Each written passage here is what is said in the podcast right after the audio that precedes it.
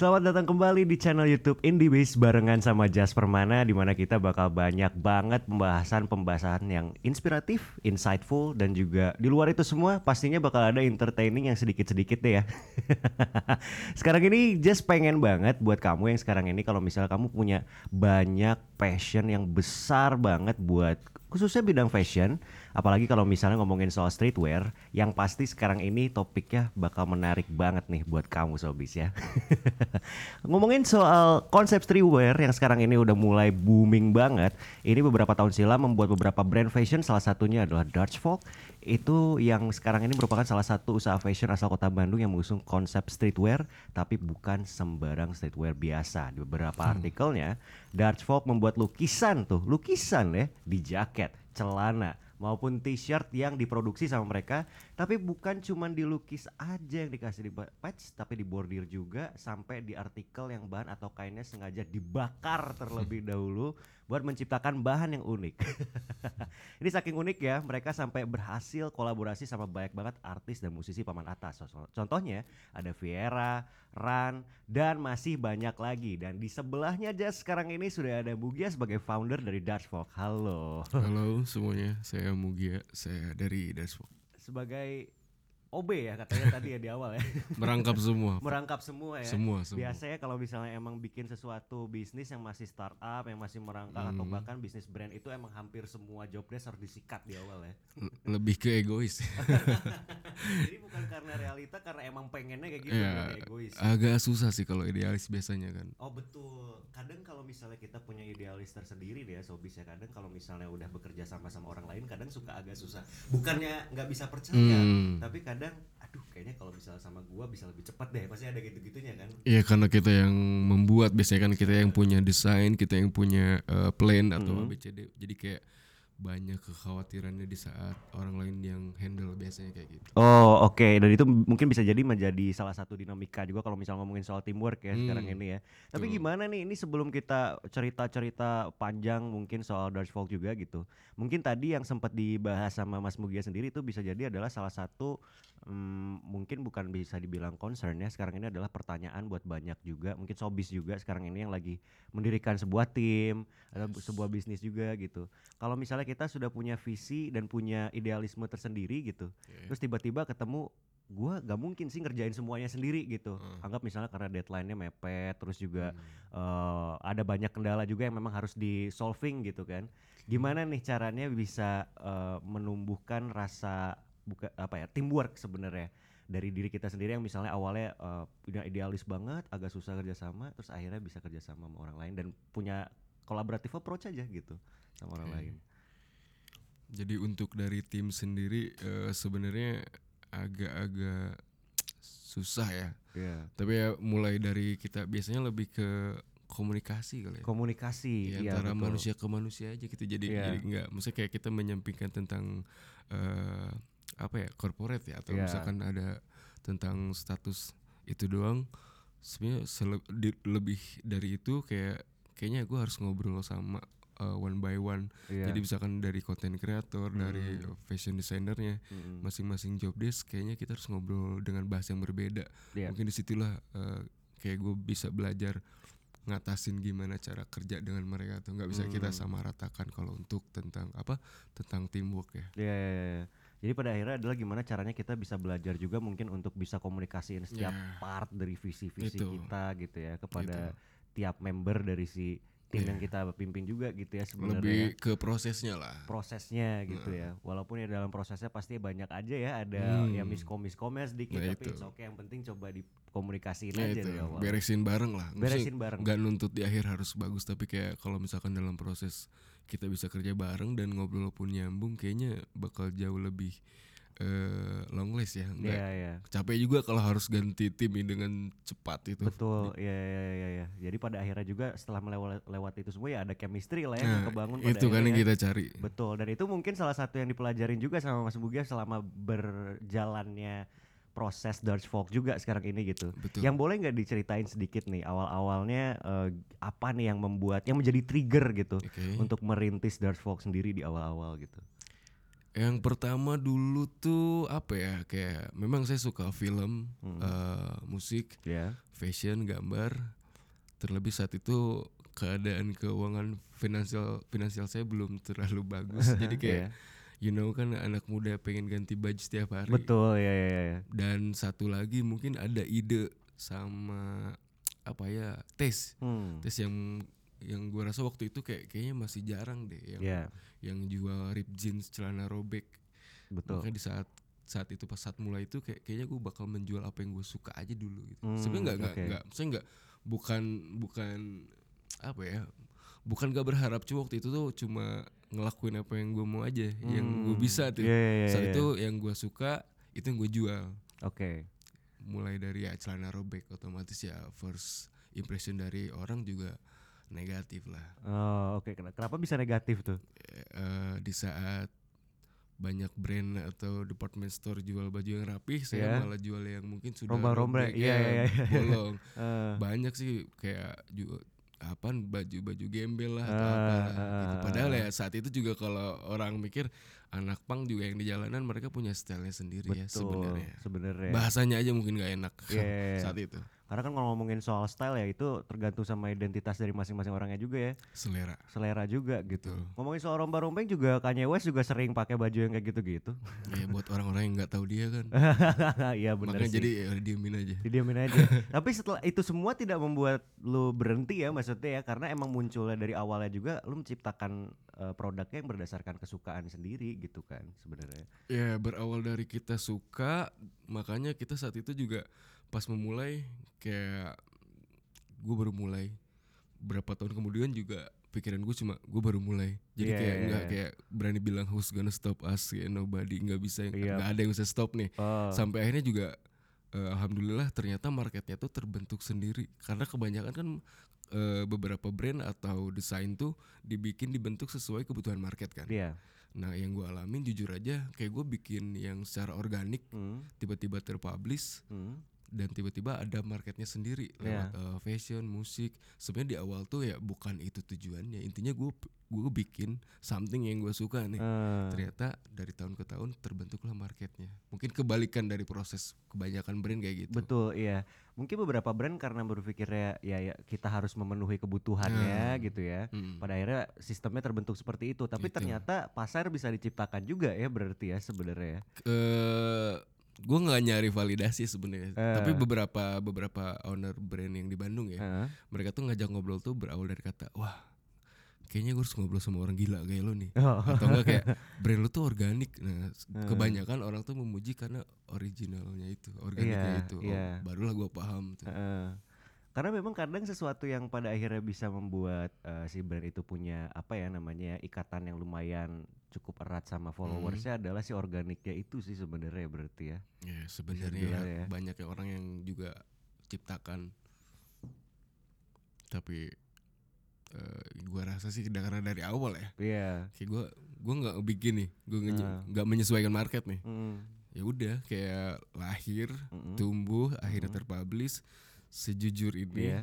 makanya de- ketika dapat market yang seperti itu juga Ah. kayak oh gue paham nih dan bu- bukan cuma pihak dari kitanya juga Ah. kebanyakan eh, let's say buat beberapa forum atau Hmm. orang yang ngebahas tuh setelah gue riset dan gue simpulkan memang oh mereka meng, apa notice karena eh, image-nya atau nge-brandingnya atau enggak eh, kesan eh, apa namanya ori- organiknya ini Organiknya ya. Nah, gitu. Hmm. Makanya mungkin kayak eh, beberapa yang bilang kayak gampang naik lah atau Iya. enggak gampang di notice artis Iya, misalkan. iya, iya. Gitu. Di luar di luar tentang perjuangan ya. Iya, iya.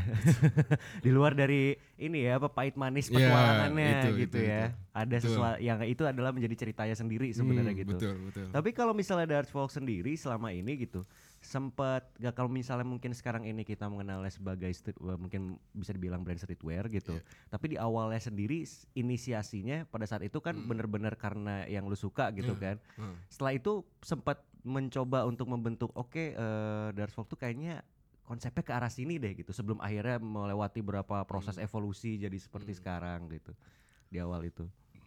eh kalau dari genre sebenarnya dulu tuh apa ya lebih lebih ke rock masuk ya. Rock ya, Rock iya, masuk, emo masuk. Hmm. Cuma memang ternyata di beberapa tahun awal rilis tuh streetwear masih tetap hype kan. Hmm. Nah, ternyata masih masuk-masuk aja. Iya. Dan bahkan sekarang juga kayak lebih ke street punk, metal, Iya. masuk kok sebenarnya. Oh oke oke oke oke. Sorry, cut dulu telepon nih. Sorry banget ini mah. Apa sih? Aduh. Nah. Kita HP modem guys, aman kok. Lanjut ya. Eh, rolling ini masih kan? Oke. Nah, kalau misalnya ngomongin selama perjalanannya tadi udah ada beberapa evolusi dari konsep juga gitu. Sempat Hmm. ngalamin satu hal yang benar-benar menjadi challenge terbesar nggak selama menjalani brand Dutch Fox ini sendiri gitu. Challenge apa sih? Eh kalau gue simpulin sih lebih ke awareness ya. Awareness, ya. Gimana eh, bikin market tuh paham atau enggak mereka tuh sadar bahwa kayak kita tuh ada sebagai genre yang baru kah atau Hmm. enggak eh, mau meskipun ya beberapa orang tuh bilang masih terbilang eh, nggak lazim ya karena Iya. mungkin berantakan atau gimana. Hmm. Cuman kan nggak semua orang paham dan punya mindset yang bisa menerima luas ya. Ya, Eh, apalagi kalau kita udah menyinggung tentang genre kayak gitu-gitu, ya itu itu juga gue nggak bisa nggak berani ber- eh, berpikir lebih kayak gue lebih menghargai juga. Cuma untuk ya itu mungkin karena jadi perjuangan juga gimana caranya gue bertahan dapat awareness dari mereka hmm, bahwa eh, fashion tuh bebas, betul. seni itu bebas. Cuma tergantung gimana cara kita eh, mengimplementasikannya atau di mana kita Ah. memakainya mungkin itu yang masih gue pelajari sih. Oh oke oke oke. Oh berarti ternyata nggak cuma di musik aja, berarti di brand pun juga ada aja yang suka ngomong "Eh, ini genrenya kenapa tiba-tiba berubah kayak gitu-gitu ada juga Ya, berarti ya.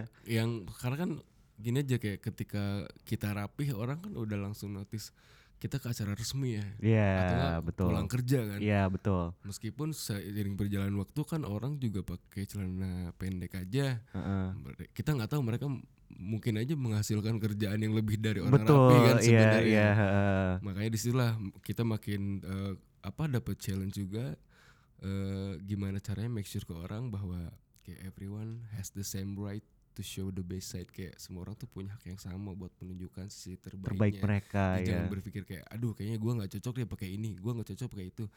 Eh, kayak come on lah kayak lu punya kebebasan kok Betul, pakai apa pun eh. selagi lu nggak selagi lu masih bisa menghormati tempat Iya, atau iya, orang-orang iya. di mana lu berada gitu sebenarnya Iya, iya, iya, bebas-bebas aja. Pada- itu sih challenge sih dari awal. Oh, Oke, pada akhirnya sebenarnya semua adalah terserah gimana lu pengen dress up gitu ya sebenarnya. Betul. Nah, ini ngomongin soal awareness juga gitu. Salah satu yang paling gokil di Dutch Folk ini selama ini adalah udah sering banget kolaborasi sama banyak artis juga gitu. Ini sebelum-sebelumnya kan tadi sempat just share juga ya Sobis ya ada sempat kolaborasi sama Viera, Ya. sama Ran, terus sama siapa lagi nih udah sempetnya?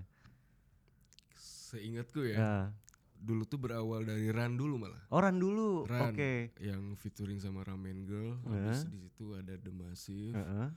baru lanjut ke The Upstairs, Heeh. Dewa, eh Slang, Heeh. lalu setelah itu masuklah kayak X Factor, Indonesian Idol, kayak apa ya audisi-audisi kayak gitu lah ya, Iya, iya, iya. Ya, kayak gitu. Eh Indonesian Idol yang udah tiga tahun, Heeh.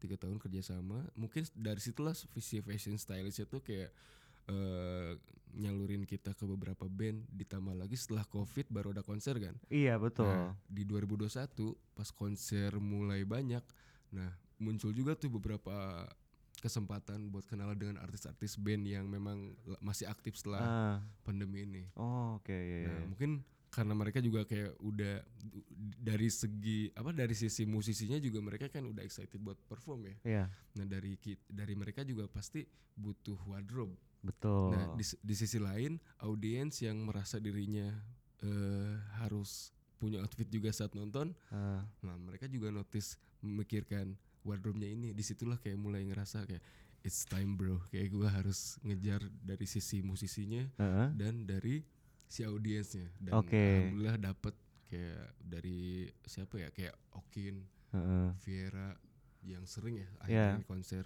terakhir tuh beberapa lah yang belum kita up juga. Ah, jadi masih ada banyak juga ya berarti ya sebenarnya on sih.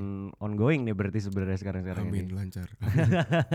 Tapi kalau misalnya si proses eh, ya mungkin project kolaborasi-kolaborasi barengan sama artis-artis ini tuh di awal-awalnya apakah emang kalian yang di approach sama mereka atau emang kalian emang sengaja nge-approach itu contoh misalnya kayak yang Run sama Ramen Girl Hmm. yang di awal itu itu emang kalian pitching dulu ke mereka waktu itu atau emang tiba-tiba diajak sama Run sama mereka gitu So far sih kita belum pernah ya ngajuin.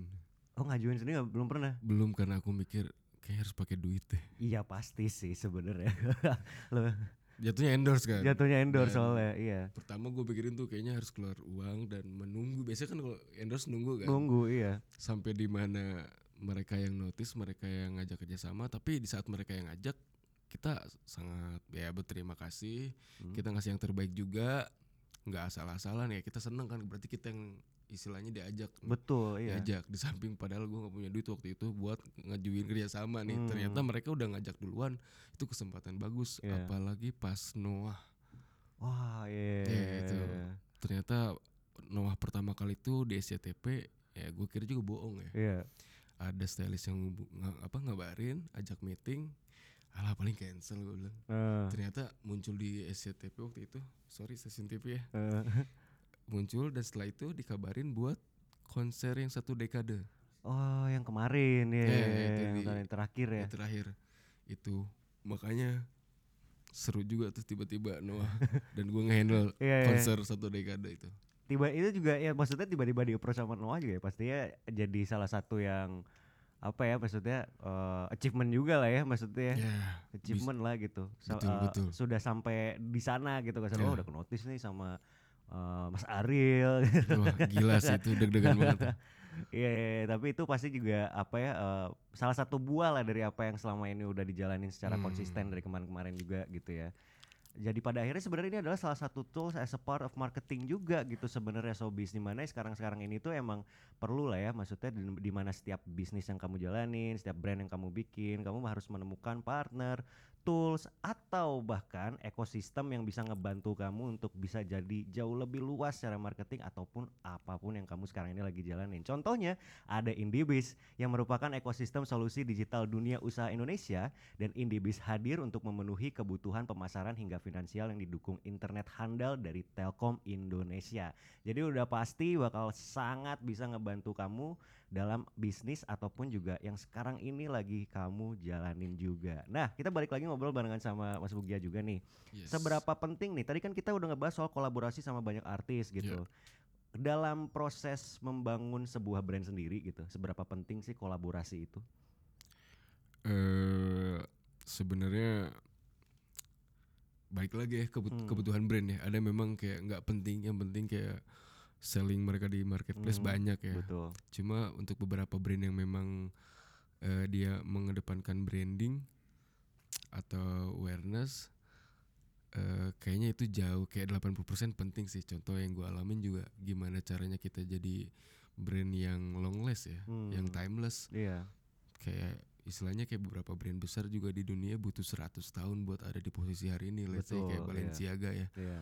Kayak meskipun terdengar muluk-muluk cuma kayak kalau memang goals kita ke sana ya kita ambil paling panjang paling tinggi kan Paling tinggi iya. yang gua rasa kalau memang kebutuhan kita branding buat jadi brand yang lama bukan sekedar penjualan aja aku bisa bilang ke bahwa kerjasama itu ya sangat penting karena Penting. gimana caranya dari dari link satu link dua atau dari market satu market dua kita makin meluas kan dari Hmm. kerjasama ini gimana caranya dapetin eh, range market yang jauh lebih banyak lebih Hmm. besar jadi sangat setuju kalau misalkan kita ingin memperluas market kita atau Iya. membuat brand kita lebih timeless lagi dengan collab berbagai atau brand atau enggak musisi banyak lah Iya. banyak sekarang kan ya Hmm. Nggak harus ter nggak harus dengan standar fashion dengan fashion banyak lah Iya, bisa dieksplor sekarang kan Maksudnya banyak lah eksplorasi-eksplorasi bahkan yang beda bentuk bisnis juga Iya, banyak ya sekarang ba- ini ya gitu ya. Karena jatuhnya sebenarnya kalau misalnya ngomongin soal kolaborasi itu jatuhnya kayak seperti satu brand yang memberikan satu kontribusi lagi balik juga gitu ya, Betul. saling support satu sama lain. Jadi ada satu impact yang Hmm. di luar dari apa yang selama ini mungkin dijalani secara bisnis aja gitu Iya. sebenarnya gitu. Itu salah berarti penting banget ya kolaborasi ya penting buat memperluas lah buat memperluas market juga. Nah, betul kalau ngomongin soal salah satu momen di perjalanannya Mas Mugia sama barengan sama tim-tim dari Dutch Folk sendiri pernah nggak ada satu momen yang uh, di dalam bisnis pastinya ada ya yang bikin wah ini deg-degan banget nih satu uh, mode, mode krisis lah gitu yang paling Hmm. mendebarkan gitu Hmm. buat Mugia barengan sama tim gitu pernah ada satu momen kayak gitu gak? Eh, kalau untuk saat covid kali ya Oh kayaknya itu semua ya sebenarnya Ya, kayaknya semua. Ya.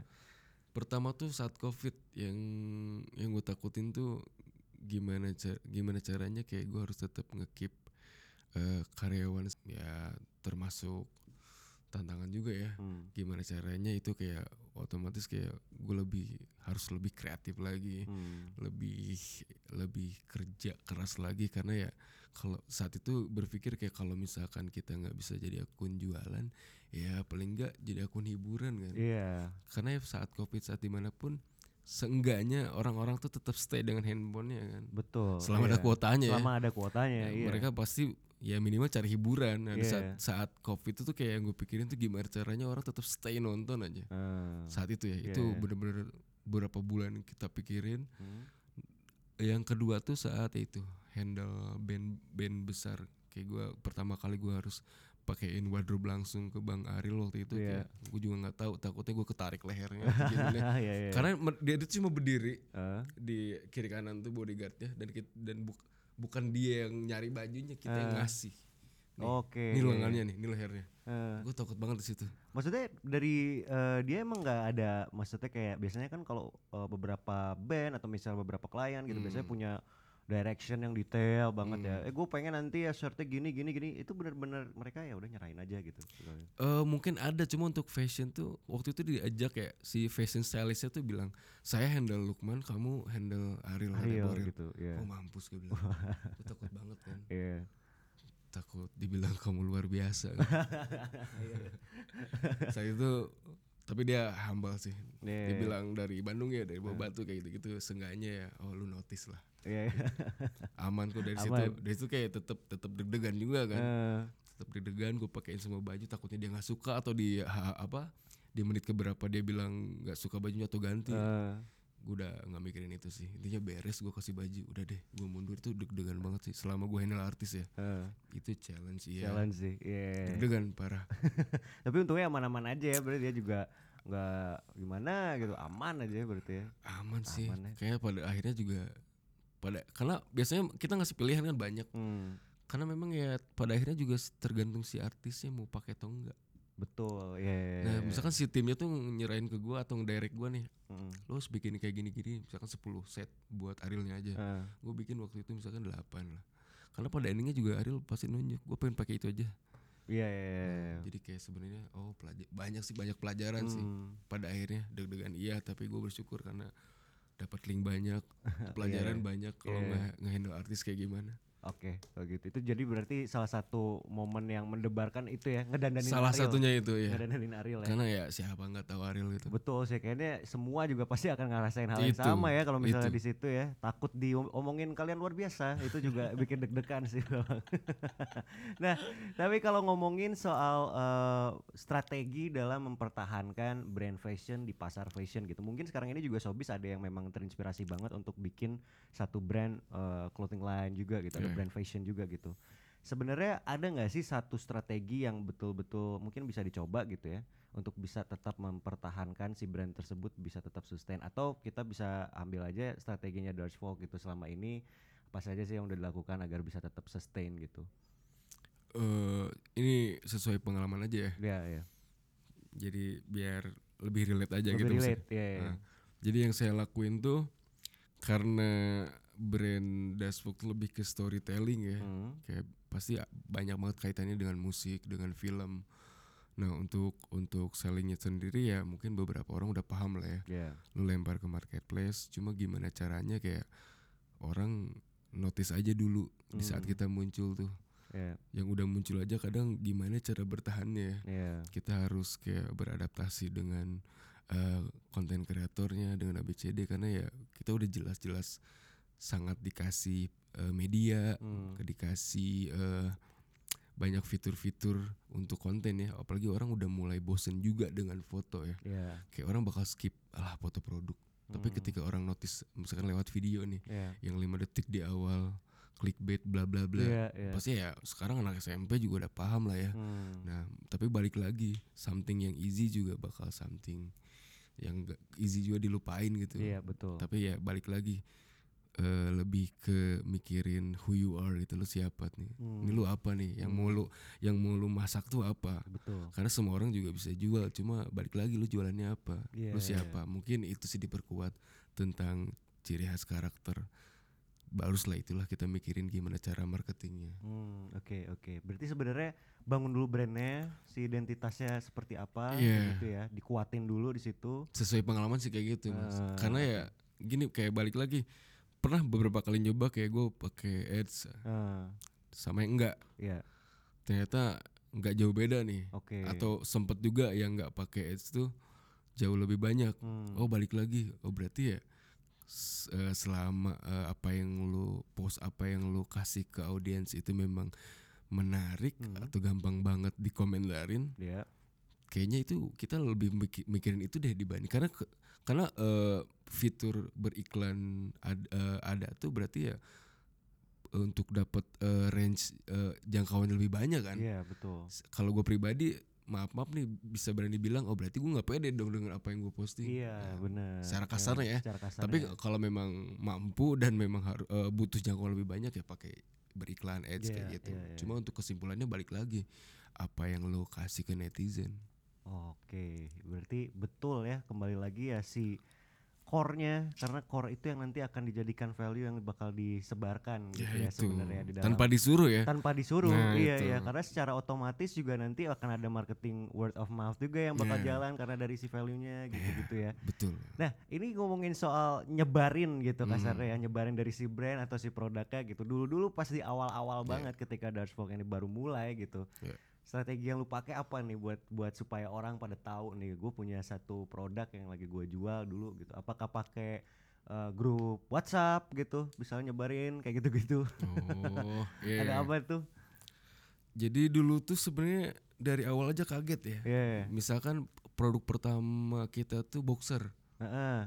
boxer jadi di saat itu juga karena kekurangan dana untuk endorse untuk Iya. buzzer gitu kan kayak misalnya gue posting di Instagram pribadi nih otomatis Hmm. menuai kontra kan dengan Iya, iya. kalimat-kalimat kotor seperti itu cuma kan di, di situ juga kayak ya udah kita tanggapinnya Hmm. oh seenggaknya oh berarti memang kita gampang banget di notice nih karena something yang eh, nyeleneh Nyeleneh, misalkan iya, iya. nah gitu oh di situ gue dapet pelajaran juga jadi setiap kali rilis produk atau nggak nge-share produk tuh kayak yang tadi gue bahas gue nggak minta misalkan eh, coba share ya ke tem- beberapa teman atau gimana. Nggak cuma posting aja cuma nulis caption what do you think? Atau nggak gimana menurut kalian nih? Eh, orang langsung kan nyerbu wah ini brand gak jelas nih. Brand Iya, apaan nih? Bla bla iya, bla bla iya. bla.